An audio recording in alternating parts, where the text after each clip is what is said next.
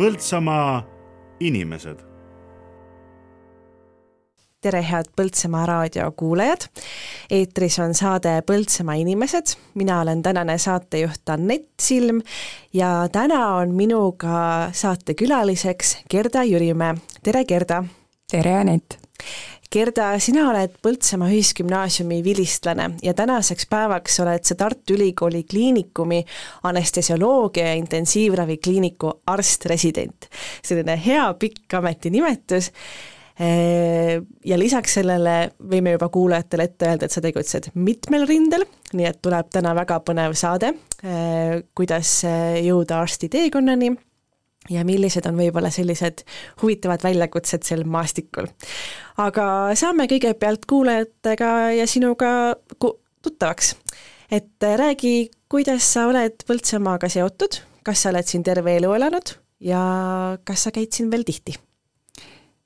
mina olen Põltsamaal sündinud ja kasvanud, koolis käinud, gümnaasiumi lõpetasin ma kaks tuhat üheksa ja pärast seda, kuna mul perekond on ikka siin, siis käin ma Põltsamaal väga sageli. pärast gümnaasiumit läksin ma õppima inglise keelt, seda ma tegin neli-viis aastat, seejärel tuli mulle meelde, et ikkagi see meditsiin oli see, mis alguses kutsus ja siis ma läksin õenduskooli, sest et jube pikalt tundus arstiks õppimine aega võtvat. Ja pärast ühte aastat õenduses jõudsin ma ikkagi arstiteaduskonda ja selle ma lõpetasin kaks tuhat kakskümmend ja pärast seda olen ma Põltsamaal ka tööd teinud väikese koormusega kiirabis. ehk siis selline äh, õige tee leidmine võttis natukene aega, aga nüüd sa tunned, et sa oled seal, kus sa olema pead? just täpselt, et inimene jõuab ikka sinna, kus tema jõudma peab aga see mõte, sa ütlesid, et sul tuli meelde, et oli algselt see arstiteaduskonna mõte, et kas see oli sul juba kooli ajal või, või, või millal sul see tekkis? Jaa, see oli juba kooli ajal ja tegelikult juba päris pisikesest peale, ma mäletan, ühes multikas oli üks tegelane, kes oli arst ja siis ma arvan, et sellest see lahti läks ehk siis äh, juba lapsepõlve unistus nii-öelda, et kui mõned lapsed ütlevad, et oh, et tahaks arstiks või õpetajaks, siis sina päriselt võtsidki selle teekonna ette ja saidki arstiks täpselt nii, väikese põikega mujale maailma. kas see teekond on olnud pigem raske või on see tulnud niimoodi mööda minnes? Ma arvan, et tagasi vaadates on see kindlasti oluliselt kergem kui ise seda tehes, et arstiteaduses kurikuulsad kolmanda kursuse patoanatoomiad ja patofüsioloogiad olid loomulikult rasked. ja sealt pärines ka esimene ja viimane kontrolltöö, mille ma läbi kukkusin. aga, aga tegelikult läks kõik hästi ruttu ja hästi torede kaaslastega, et kellel huvi on, siis igatahes soovitan. ja noortele inimestele minu loost veel nii palju, et sinu esimene valik pärast keskkooli ei pea olema kõige õigem valik. et alati jõuab ringi mõelda ja kõik, mida sa valid, arendab sinu silmaringi. kui kerge või raske oli saada arstiteaduskonda sisse? ma tean, et see on üks, üks kõige populaarsemaid erialasid tegelikult ju, kuhu kandideeritakse, et just hiljaaegu ka lõppes Tartu Ülikoolis kandideerimisperiood ja saadi teada, kes siis kuhu sisse sai, et kas ehm, see oli ka keeruline või, või kuidas see oli? Mina astusin arstiteadusesse siis pärast seda, kui ma olin olnud inglise filoloogias mõned aastad, mis äh, sisuliselt nullis ära minu ajuosa, mis tegeles matemaatika ja reaalainetega aga selles suhtes oli too aasta lihtsam, et siis ei olnud mingeid sisseastumisvestlusi ega kohustuslikke sisseastumiskatseid. et ma küll tegin bioloogia sisseastumiskatse, aga äh, olles ise selle jaoks enne õppinud keskkooli õpiku, õpikutest kuid ma sain seal ikkagi kaks punkti vist vähem kui matemaatikaeksamil kunagi, et ma sain ikkagi oma eksamitega sisse, mis ma keskkoolis tegin, et selles suhtes ei olnud muud kui punktid tabelisse ja oota, kas pääsed nimekirja. no see on küll hea aga kuidas selline erialavalik eh, tuleb arstina õppimisel langetada? et ma saan aru, et mingil hetkel eh, siis eh, õppeteekonnal tuleb teha erinevaid valikuid, et kuhu suunas edasi minna, et kas sinul on see lõplik valik nüüd tehtud? Äh, arstiteaduses on niimoodi, et need kuus aastat, mis me õpime, me saame lihtsalt arstikutse. me saame tervishoiutöötaja koodi ja me võime tegutseda siis nii-öelda üldarstina, et meil ei ole eriala ja need inimesed, kes sobivad endale mingit eriala omandada, kas siis hakata perearstiks või kirurgiks või, või nahaarstiks, siis nemad astuvad residentuuri. residentuur olenevalt erialast kestab kolm kuni viis aastat Eestis ja, ja see hõlmabki siis äh, sisuliselt õppimist töö käigus, et äh, mina olen arst, mina, mul on õigus äh, kirjutada retsepti ja lugeda inimese digilugu, kui ta on minu patsient aga minul ei ole nii-öelda seda eriala. ja see eriala valik äh, toimubki siis pärast äh, ülikooli lõpetamist, kus on sisseastumised erinevate erialade residentuuridesse. ja minu eriala on erakorraline meditsiin, ehk siis EMO ja kiirabi. miks just selline eriala? mulle meeldib see, et äh, saab valvetega tööd teha, mulle meeldib see mitmekesisus ja see, et ei saa tekkida seda rutiini, et mul on iga päev täpselt seesama haigus või seesama patsient osakonnas kaks nädalat, vaid äh, mul on äh,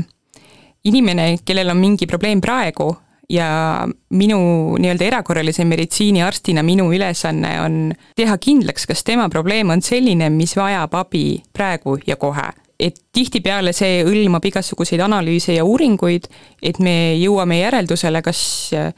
kas tema probleem on näiteks lihtlabane seljavalu või, või on tema seljavalu taga suur neerukivi, mis ise välja ei tulegi ja ta vajab näiteks operatsiooni. et mulle meeldib see mõtlemine sealjuures, et sa pead jõudma mingile järeldusele ja pakkuma inimesele abi. siin on äh, hea koht kuulajale ka ära mainida, et enne selle pika ametinimetuse juures jäi mul ütlemata, et äh, lisaks sellele arst-residendile oled sa ka Tartu kiirabi brigaadijuht ja see tähendabki, et siis sina eh, sekkud siis nendele hädaabikutsetele, eks ole? täpselt nii, mina eh, valvan väikese koormusega Põltsamaa kiirabibaasis ja seal käib töö niimoodi, et et kui häirekeskus annab meile kutse, siis sinna me läheme. olenevalt siis eh, sellest, kui tõsine on abivajaja probleem teisel pool telefoni otsas, sõltub siis sellest, kui kiiresti me sõidame selle kiirabiautoga. minul üks väga hea tuttav käis hiljaaegu esmaabikoolitusel ja si-, äh, Tartu kiirabis ja siis äh, tuli seal sellised huvitavad asjad välja, noh räägiti ka ikka, et millal tuleks kiirabi kutsuda ja millal ei tuleks kiirabi kutsuda. et äh, need on sellised üsna teada-tuntud võib-olla, mille puhul mina arvasin kindlasti, et tuleks kiirabi kutsuda. näiteks öeldi, et kui varva, varba näiteks kuidagi kaotad, et näiteks kuidagi lõikad oma varba maha, et siis ei peakski kiirabi kutsuma. kuna varvast ei saa otseselt tagasi õmmelda, et siis võib minna ise EMO-sse ja näiteks muidugi puugiga seotud, et, et inimene ikka läheb paanikasse võib-olla, et ei suuda seda puuki ise eemaldada, et siis ikkagi noh, kutsume kiirabi verestikuhammustus, et, et selle puhul ka, et võiks ise pöörduda EMO-sse. et kas sellest tööst tuleb ette neid kutseid, kus siis vahepeal lähedki brigaadiga kohale ja tundub, et nüüd on noh, helistaja on ikkagi väga-väga selline noh, et nüüd on meil kohe abi vaja. Ja siis jõuad kohale ja tegelikult tuleb välja, et siin ei oleks üldse vaja olnud, et nii kiiresti sekkuda. kas selliseid asju pigem on? Või tuleb ikka inimest mõista, et sel hetkel konkreetselt ta ikkagi ei osanudki ise ennast abistada ja tema noh, selline väljund ongi see, et ta siis pöördub selle kiire abi poole jah, seda on üsna sageli, et inimesed kutsuvad kiirabi, kuigi tegelikult äh, on neil näiteks kodus olemas kõik äh, ravimid või muu esmaabivahend, millega ise aidata ennast või oma lähedast, aga tihti ongi murekoht see, et äh, nad ei tea, kuidas, neil ei ole räägitud, neil ei ole seda probleemi enne olnud, hästi sageli näiteks väikeste laste vanemad, et pisikesel inimesel on esimene korralik palavik elus ja nad ei teagi, kui palju neid äh, poesiirupeid anda või kas neid võib koos anda ja kui neil ei ole seda varem räägitud, nad ei saagi seda teada, et tihti piisab täiesti sellest, et äh, sa nõustad nad ära ja tead, teinekord on nad juba hoopis targemad selle koha pealt. aga milline on selline, noh, ei saa öelda keskmine väljakutse, aga millised on võib-olla sellised äh, levinud probleemid, millega siis pöördutakse kiirabi poole, et kus inimene vajab abi, lisaks väikelastega seotud muredele, et kus kindlasti tulekski abi küsida, et noh, kunagi ei tea, eks ole, milline reaktsioon olla võib. põhiprobleemid, millega kiirabi kutsutakse, enamasti jagunevad kaheks, on väikesed traumad, et kes on siis kukkunud, haavad, luumurrud, või siis ma ütleks, erinevad valud. kõht valutab, selg valutab, rinnus valutab, lihtsalt paha olla, igasugused põletikud, et inimestel on palavik, et eriti just eakad inimesed näiteks äh, jäävad väga keh-, kähku väga nõrgaks, kui neil on äh, mingisugune väike nakkus küljes ja vajavad sageli haiglas turgutamist, kuigi noorem inimene saaks sellega palju lihtsamini kodus hakkama. kuidas Eesti inimene võtab vastu kiirabi? enamasti no üheksakümmend üheksa koma üheksa protsenti vastuvõtte on väga viisakad ja sõbralikud, et äh, vahel väga harva on keegi väga kannatamatu, kui tema, kui ta näiteks on pidanud kaua ootama, et me tuleme teinekord väga kaugelt, me saame teinekord Tartu linnas Põltsamaale kutse või me oleme mujal kutsel ja, ja selle inimese äh, probleem on häirekeskuse poolt saanud madalama prioriteedi, ehk siis tema peab kauem ootama. ja, ja arusaadavalt need inimesed on pahased siis, kui nad on pidanud kauem ootama, sest kuigi noh, suure maailma mastaabis võib-olla tema mure on väike, on temal ikkagi paha olla praegu. kas on mõni selline eh, väljakutse, mis on kuidagi eriti meelde jäänud ka? Et mida sa vahepeal, ütleme, et keegi küsibki, et milline on su töö ja siis see on selline hea lugu, mida siis võtta, et kirjeldada, et vot selline väljakutse on olnud, kas on midagi sellist, mis kohe pähe turgatab? see ükskord, kui kusagil Annikvere tee peal bussi koristades tuli üks kiisu autosse. Ehk siis äh, lemmikloomaga või ta oli täitsa võõras kass? See oli täitsa võõras kass minu meelest, me olime juba inimese juures toas ära käinud ja tegime oma autot korda, et küljeaks oli lahti siis üks punast värvi kiisu arvas, et peaks ka ennast ette näitama. võttis kohe ennast ka meeskonnaliikmeks. absoluutselt aga kiirabitöö on selline vähemalt äh, kõrvaltvaatajale äh, pigem pingeline, äh, ma ütleks, et seal on väga palju emotsioone seotud, ongi just see, et see on ikkagi stressiolukord, kuhu sisse minnakse, et inimesel on abi vaja, kuidas sellise emotsionaalse poolega toime tulla, et kas või kas on üldse tarvilik niimoodi küsida, et kuidas toime tuled, et et kas ta on stressirohke töö? Ja ma arvan, et see on hästi oluline sellest rääkida, et äh, kiirabitöö ja EMO töö ja, ja muud, kas või politseitöö, mille, mida me mainisime, on hästi stressirohked ja tänapäeval järjest rohkem sellest ka räägitakse, läbipõlemisest ja kõigest sellega kaasnevast, kui ei suuda selle emotsionaalse poolega toime tulla nii hästi, et äh, üks asi, mis meid aitab, on kindlasti see oma väike meeskond, et kolm inimest, kes mingil päeval Põltsamaa baasis tööl on, et äh, Põltsamaa kiirabi baasis on selline väike pere et kui mina sinna tööle lähen, siis ma tunnen alati, nagu ma läheks koju. ja kui meil on mingisugune raskem kutse, kas siis tõesti lausa kellegi elustamine või väga raske trauma, siis me saame pärast isekeskis selle läbi arutada ja läbi sõeluda, et mis läks hästi, mis oleks võinud minna paremini ja sellest õppida. kas sa oled oma töös kokku puutunud ka sellise ebausklike inimestega näiteks, et äh, näiteks koroonapandeemia ajal samamoodi oli meil väga suur hulk inimesi, kes siis äh, ilmutasid siis sellist mitteusaldust võib-olla meditsiini vastu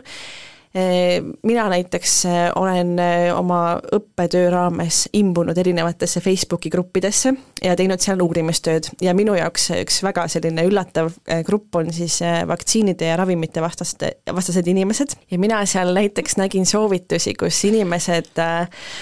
tõsimeeli siis näiteks noh, oli arutelu näiteks kõrge või madala vererõhu üle ja siis äh, inimesed soovitasid üksteisele jätta näiteks ravimid ära, et äh, ärge jumala eest võtke neid ravimeid, et, et,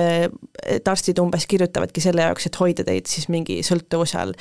ja inimesed nagu ei taju võib-olla seda, et need ravimid reaalselt aitavad inimesi siis nii-öelda elus edasi tervislikult olla. et kas töö raames tuleb vahepeal ette ka seda, et mõni mõni inimene no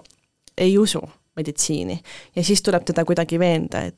te olete siin ikkagi selle jaoks, et tema parimat tervist hoida. jaa, seda on tegelikult päris palju, et inimesed, kes ei usu nii-öelda tavalisse teaduspõhisesse meditsiini, pöörduvad ikkagi mingil hetkel, et saada siis lahendus oma murele. olen näinud nii vaktsiinivastaseid,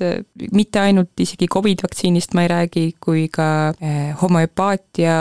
usaldajaid, et kes tahavad võtta terasid igasuguste murede osas, aga ja enamasti nad ei sega kedagi, las nad teevad nii, nagu nemad õigeks peavad, aga mingi hetk nad ikkagi tulevad äh, mingisuguse murega siis nii-öelda tavasüsteemi. eks võib-olla ongi, et need, kes kõige rohkem usuvad nendesse alternatiivsetesse teedesse, võib-olla ei pöördugi tavasüsteemi, et nendega ilmselt mul nii palju kokkupuuteid ei ole. aga vahel on küll kurb, kui ongi kõige keerulisemad on need lastega seotud teemad, et kui väike laps on haige ja talle ei anta kas või palavikuravimit või valuravimit, kuigi ta kaebab näiteks kõhuvalu, vaid antakse mingi terakene, mille sisu Äh, lapsevanem siis keeldub kommenteerimast, et ma ei saa ka teada, mis ta sinna siis, mis ta siis andnud on, et ja ometi on ta kutsunud kiirabi või pöördunud siis EMO-sse, et, et saada oma lapsele abi, et äh, natukene kummaline tunne on, ei taha öelda ka pahasti nendele inimestele, et nad julgeks ikkagi pöörduda, kui neil abi on vaja, aga ütleme nii, et oma lapsele ma nii ei teeks et kui minu lapsel kõht valutaks, ma ikkagi tahaks talle rohtu anda ja ja leida mingi selgus, et miks see kõht võib-olla valutab täna. aga see on vähemalt küll, et, et kui nad mingil hetkel siis näevad, et see olukord on nüüd juba sealmaal, siis ikkagi nad võtavad selle telefonikõne ette ja kutsuvad siis eh, kiirabi, et saada siis abi, et, et ja teie samamoodi neid ilma abita ei jäta, et ei, sellepärast, et inimene on ravinud ennast või oma last alternatiivse meetodiga või ei ole soovinud talle vaktsiine teha või endale seda koroonavaktsiini näiteks, loomulikult me kedagi abita ei jäta, sellepärast et selline küsimus ka veel äh, arsti elukutsega seoses, et äh, et oma tutvusringkonnas nüüd, kui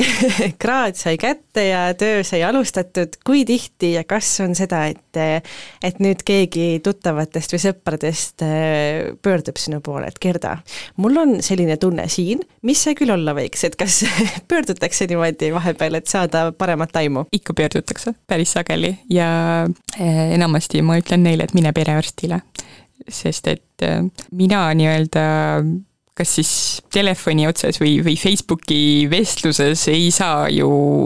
aidata tegelikult inimest, et ma saan talle võib-olla öelda, et, et ma ei tea, kui sul õlg valutab, siis võta valurohtu ja kui see üle ei lähe, mine siis perearstile, aga teinekord äh, mingisugused teistsugusemad probleemid võiks ikka kohe jõuda, et aga, aga seda, et äh, ma neid EMO-sse suunaks, on olnud üks kord. selline erakorralises meditsiinis töötamine tegelikult ju hõlmab endas ka reageerimist väga ootamatutele sündmustele. kas ja kui palju sa oled osalenud näiteks erinevatel õppustel või sellistel ettevalmistavatel kursustel, kas neid tehakse, näiteks äh, ma ei tea, sõjameditsiini või katastroofimeditsiini, et kas ja kui palju näiteks seda on olnud? sõja- ja katastroofimeditsiini kursus on kohustuslik kõikidele arstidele ja õenduse eriala inimestele tudengitena, see on õppekava osa.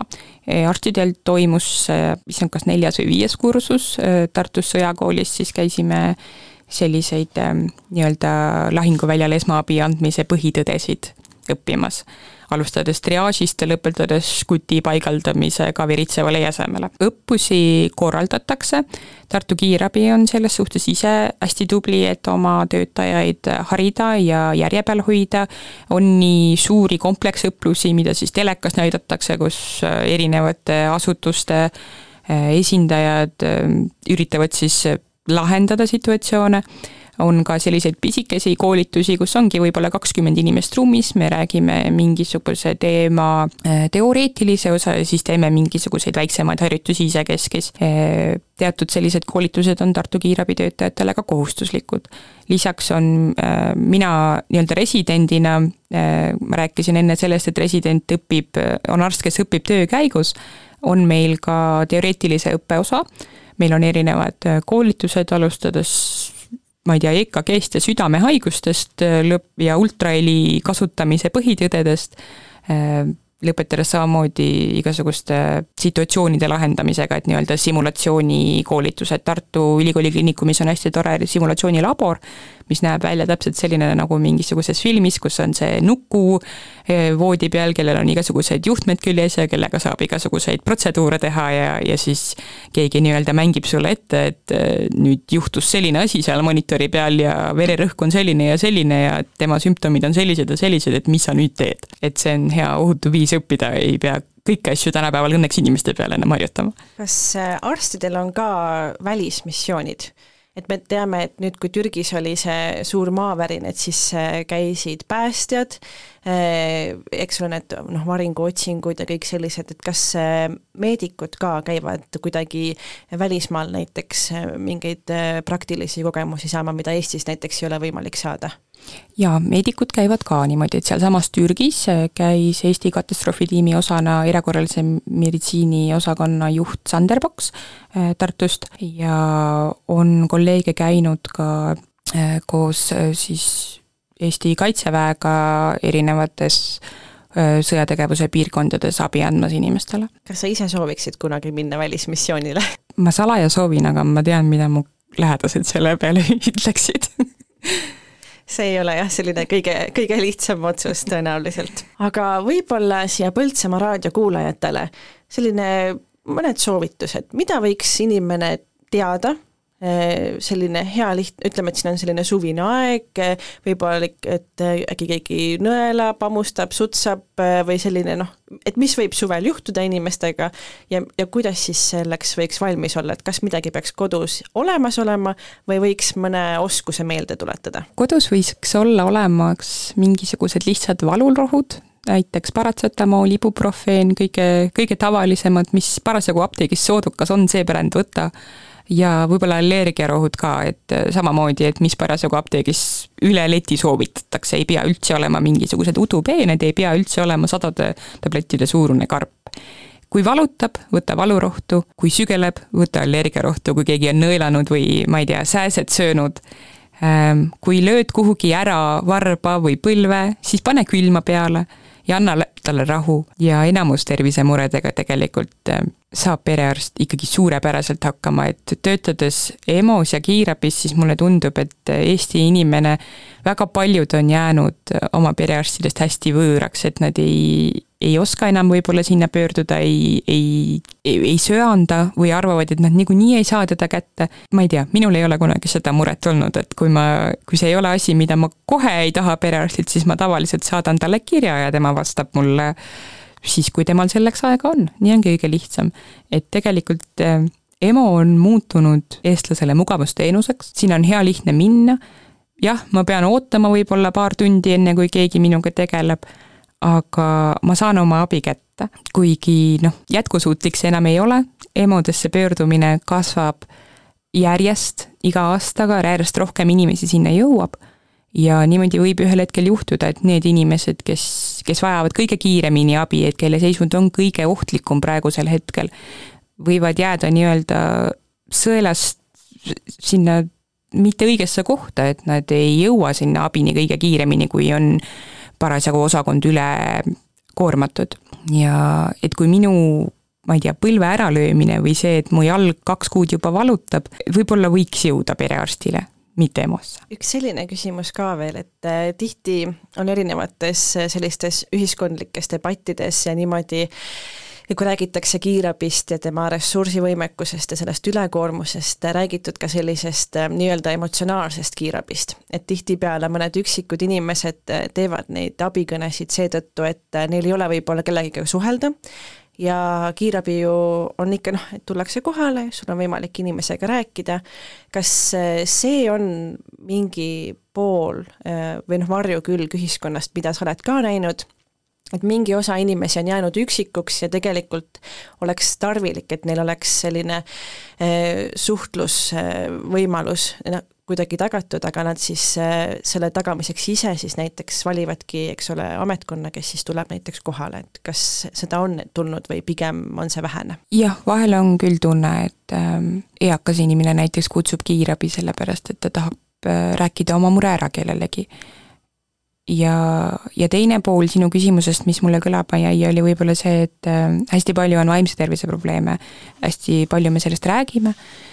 Ja inimesed oskavad võib-olla ka rohkem ise tähelepanu pöörata, et äh, et kui ongi pahad mõtted, et kutsutakse see kiirabi välja, mis on okei okay, teatud situatsioonides, eks ju, aga kiirabi nii-öelda vaimse tervise poole pealt äh, jääb meie abi väga piiratuks, et mul ei ole ühtegi rohtu, mida ma saan teha, et inimesel oleks kohe parem olla, et tal oleks suhtlemisvajadus kaetud. et, et need on sellised teemad, millega saaks tegeleda mujal, et jah, tõesti, kui kui inimesel on tõesti kriisisituatsioon, nii et ta tahab endale midagi paha teha või, või ongi väga halvasti asjad, siis me saame neid viia psühhiaatriakliinikusse arstiga vestlema, aga, aga muud kiirabisituatsioonis peale nõuandmise me kahjuks teha ei saa. vaimse tervise muredega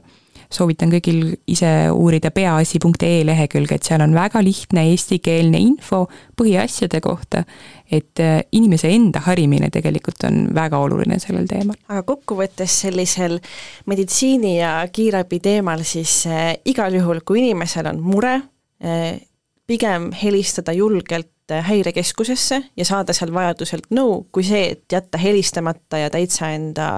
eh, mure ja valu ja kõigega üksi jääda. tegelikult häirekeskus inimesi ei nõusta, selle jaoks on meil perearsti nõuandeliin, ma selle numbri praegu peast ütlen äkki valesti. üks, kaks, kaks, null. täpselt nii, et sealt saab äh, igati kena nõu ja vajadusel nad saadavad ka ise kiirabile vä välja inimeste juurde. ehk siis abi saab igal juhul.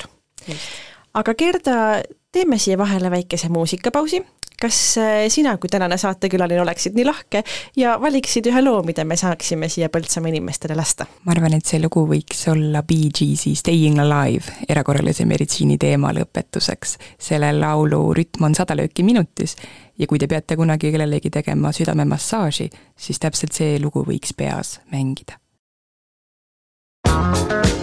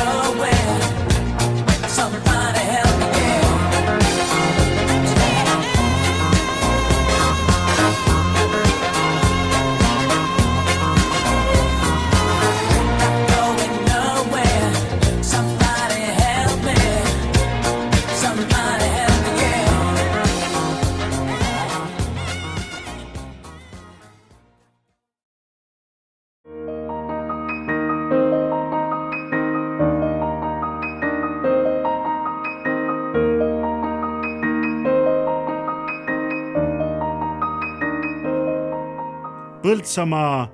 inimesed tere, head Põltsamaa raadio kuulajad, oleme tagasi väikeselt muusikapausilt. eetris on saade Põltsamaa inimesed, mina olen tänane saatejuht Anett Silm ja minu külaliseks on Gerda Jürimäe, kellega võib-olla mõned teist on tänu tema tööle kohtunud, aga nüüd te saate temaga tuttavaks raadioeetri vahendusel. tegemist on siis Tartu Ülikooli Kliinikumi anestesioloogia intensiivravikliiniku arst-residendiga, kes on ühtlasi ka Tartu kiirabi brigaadijuht, ehk siis ta aitab päästa elusid äh, ja ravida terviseid Põltsamaa piirkonnas. Gerda, me rääkisime enne sellest, kuidas sa jõudsid oma äh, eluteekonnal siis äh, arstikutseni ja meditsiinini. ja jäi kõlama ka see, et et õpingute ajal olid sul väga toredad kursakaaslased, kes siis kindlasti on toeks, et kuidas on selline kollektiiv nüüd töökeskkonnas olles töökeskkonna kollektiiv on kindlasti üks suur boonus, miks inimesed üldse EMO-s või kiirabis äh, töötavad ja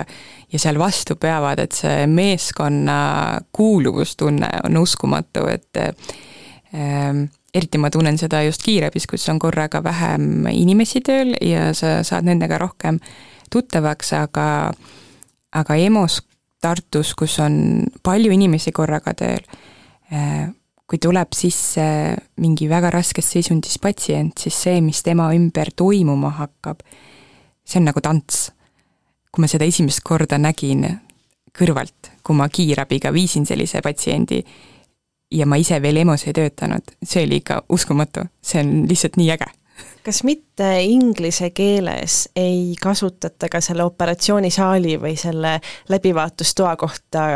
nagu theater et äh, nagu justkui nagu, kui me tõlgiksime ta otse eesti keelde, siis ta oleks justkui nagu teatriruum, et jah, on küll selline väljend. et see on selline väga tabav siis järelikult, et, et nii ongi, et see on kõik selline justkui noh, mitte küll ma ei tahaks öelda mänguliselt, eks ole, aga kõik teavad oma rolli ja kõik see liigub niimoodi justkui väga sujuvalt jah, et need meeskonnad püüdlevad hästi palju selle poole, et igaüks teaks oma rolli ja oma ülesandeid, äh, meil on koolitused nendel teemadel erinevad meeskonnatöö koolitused ja see on kõik ikka selleks, et anda inimestele parimat võimalikku abi, sest et igasugune peentehnika ja, ja meie teadmised viivad meid ainult nii kaugele, et ikkagi inimene on see, kes peab selle abi andma aga kuidas on töövälise ajaga, kas töövälisel ajal suhtled ka kolleegidega või vajad sa selliseks puhkuseks ja ümberlülitamiseks midagi täiesti muud? Töövälisel ajal mina olen pigem seda tüüpi, et äh, tahaks pimedas toas istuda hästi tasa. et mulle meeldivad äh, taimed, toataimed, aiataimed ja lemmikloomad ja lihtsalt perega aega veeta. kui ma tänaseks intervjuuks siin ette valmistasin, eh, siis ma leidsin eh, sinu kooli lõpetamise ajast sellise üleskutse, et kui sa lõpetasid, siis sa tegid eh, postituse, et sa ei soovi lilli, vaid sa soovisid, et inimesed annetaksid siis selle noh, lillede peale mõeldud raha kassidele. kas, kas see oli nii ja mis lugu selle taga on? jaa, see oli täpselt nii, kui ma arstiteaduse lõpetasin siis võib-olla see lõputseremoonia ei olnud ka minu jaoks nii eriline, kuna ma olin juba ülikooli varem lõpetanud. ja lisaks oli see ka koroona-aasta, nii et mingeid külalisi või pidusid siis, siis niikuinii ei olnud ilus teha ja, ja siis ma arvasin, et kutsuks üles oma tuttavad ja sugulased annetama raha kas või selle paar eurot selle lille eest MTÜ Paigassile MTÜ Paigas äh, tegutseb Paides ja aitab siis koduta jäänud kasse. Ja vahel ka mõnda muud looma, kes nende teele satub, et eks me loomainimesed oleme kõik ühte, ühte, ühte, ühe puuga löödud, et ei saa mööda minna, kui on äh, abi vaja anda. ja kaks tuhat kakskümmend aastal oligi niimoodi, et sellel samal kevadel meie päästsime omaenda perega ära ühe tiinekassi ja paar tema õde ka, kes olid samuti tiined ja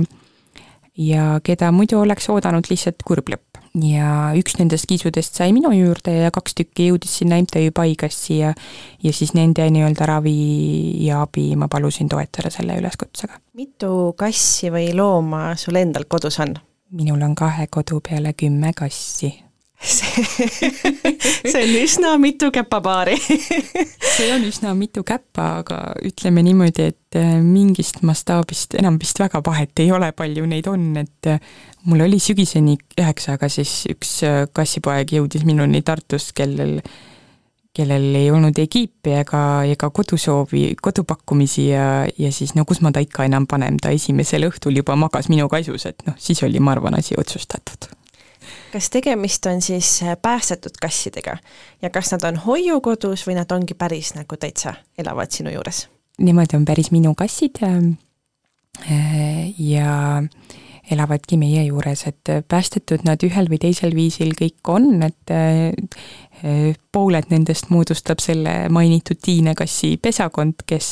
olid ka natukene haiged ja sellised äbarikud, et ei raatsinud neid ka lõpuks enam käest ära anda, et et see hoiukodu teema, ma arvan, minule ei lähe, et ma ilmselt lõpuks ei jõuagi mitte kedagi vist ära anda, et see ei oleks väga jätkusuutlik.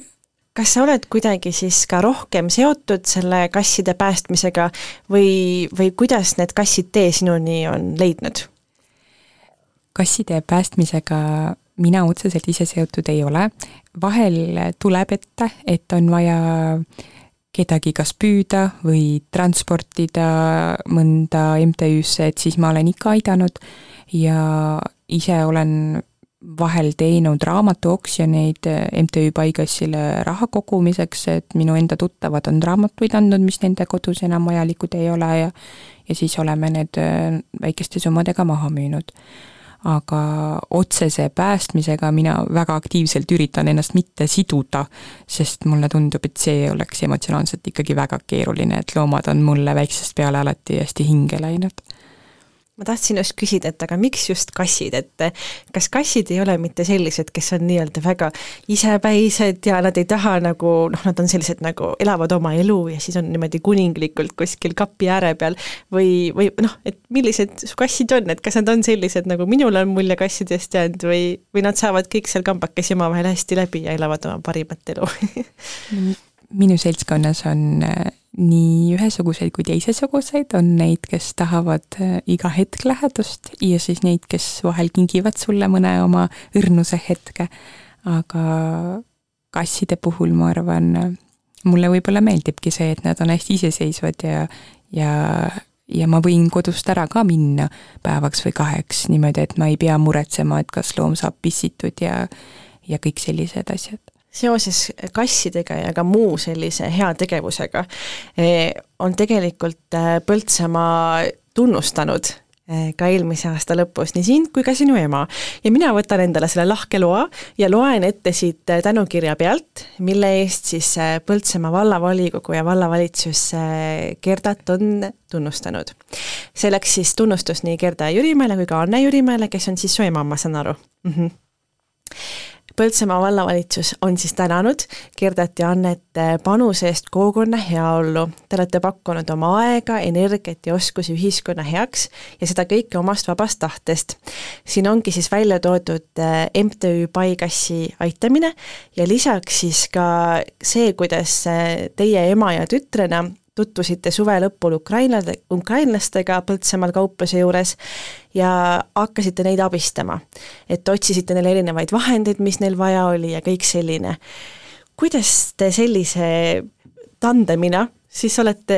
inimesi aidanud, et kas see oli kuidagi loomulik, et te nägite lihtsalt, et nii, siin on olukord, siin tuleb tegutseda, või andis keegi teile sellise suunise, et noh, et võiks teha, et kuidas see täpselt toimus? See pigem on tulnud jah, loomulikult, et äh, kus on näha, et inimest tuleb aidata, et siis äh, mina ja minu ema ja ja juba need, kes enne teda olid, et me ilmselt oleme seda tüüpi, et, et kui on ikkagi vaja teha, siis tuleb ära teha ja kui on vaja aidata, siis tuleb aidata. ja ilmselt see sobib kokku ka hästi arsti elukutsega, et et ei, ei oska väga hästi mööda minna, kui, kui näed, et kellelgi on mingit abi vaja aga selline üheskoos tegutsemine vist on teil ka üsna äh, südamelähedane, et et ma saan aru, et te olete ka koos käsitööd teinud ja seda näiteks erinevatel laatadel käinud eh, pakkumas, et kas te sellega veel tegelete või, või millist käsitööd te tegite? enne koroonat me tõesti käisime laatadel ühiste tandemitena, mina tegin ehtekunsti, sellest, sellest ma ülikooli ajal ka elasin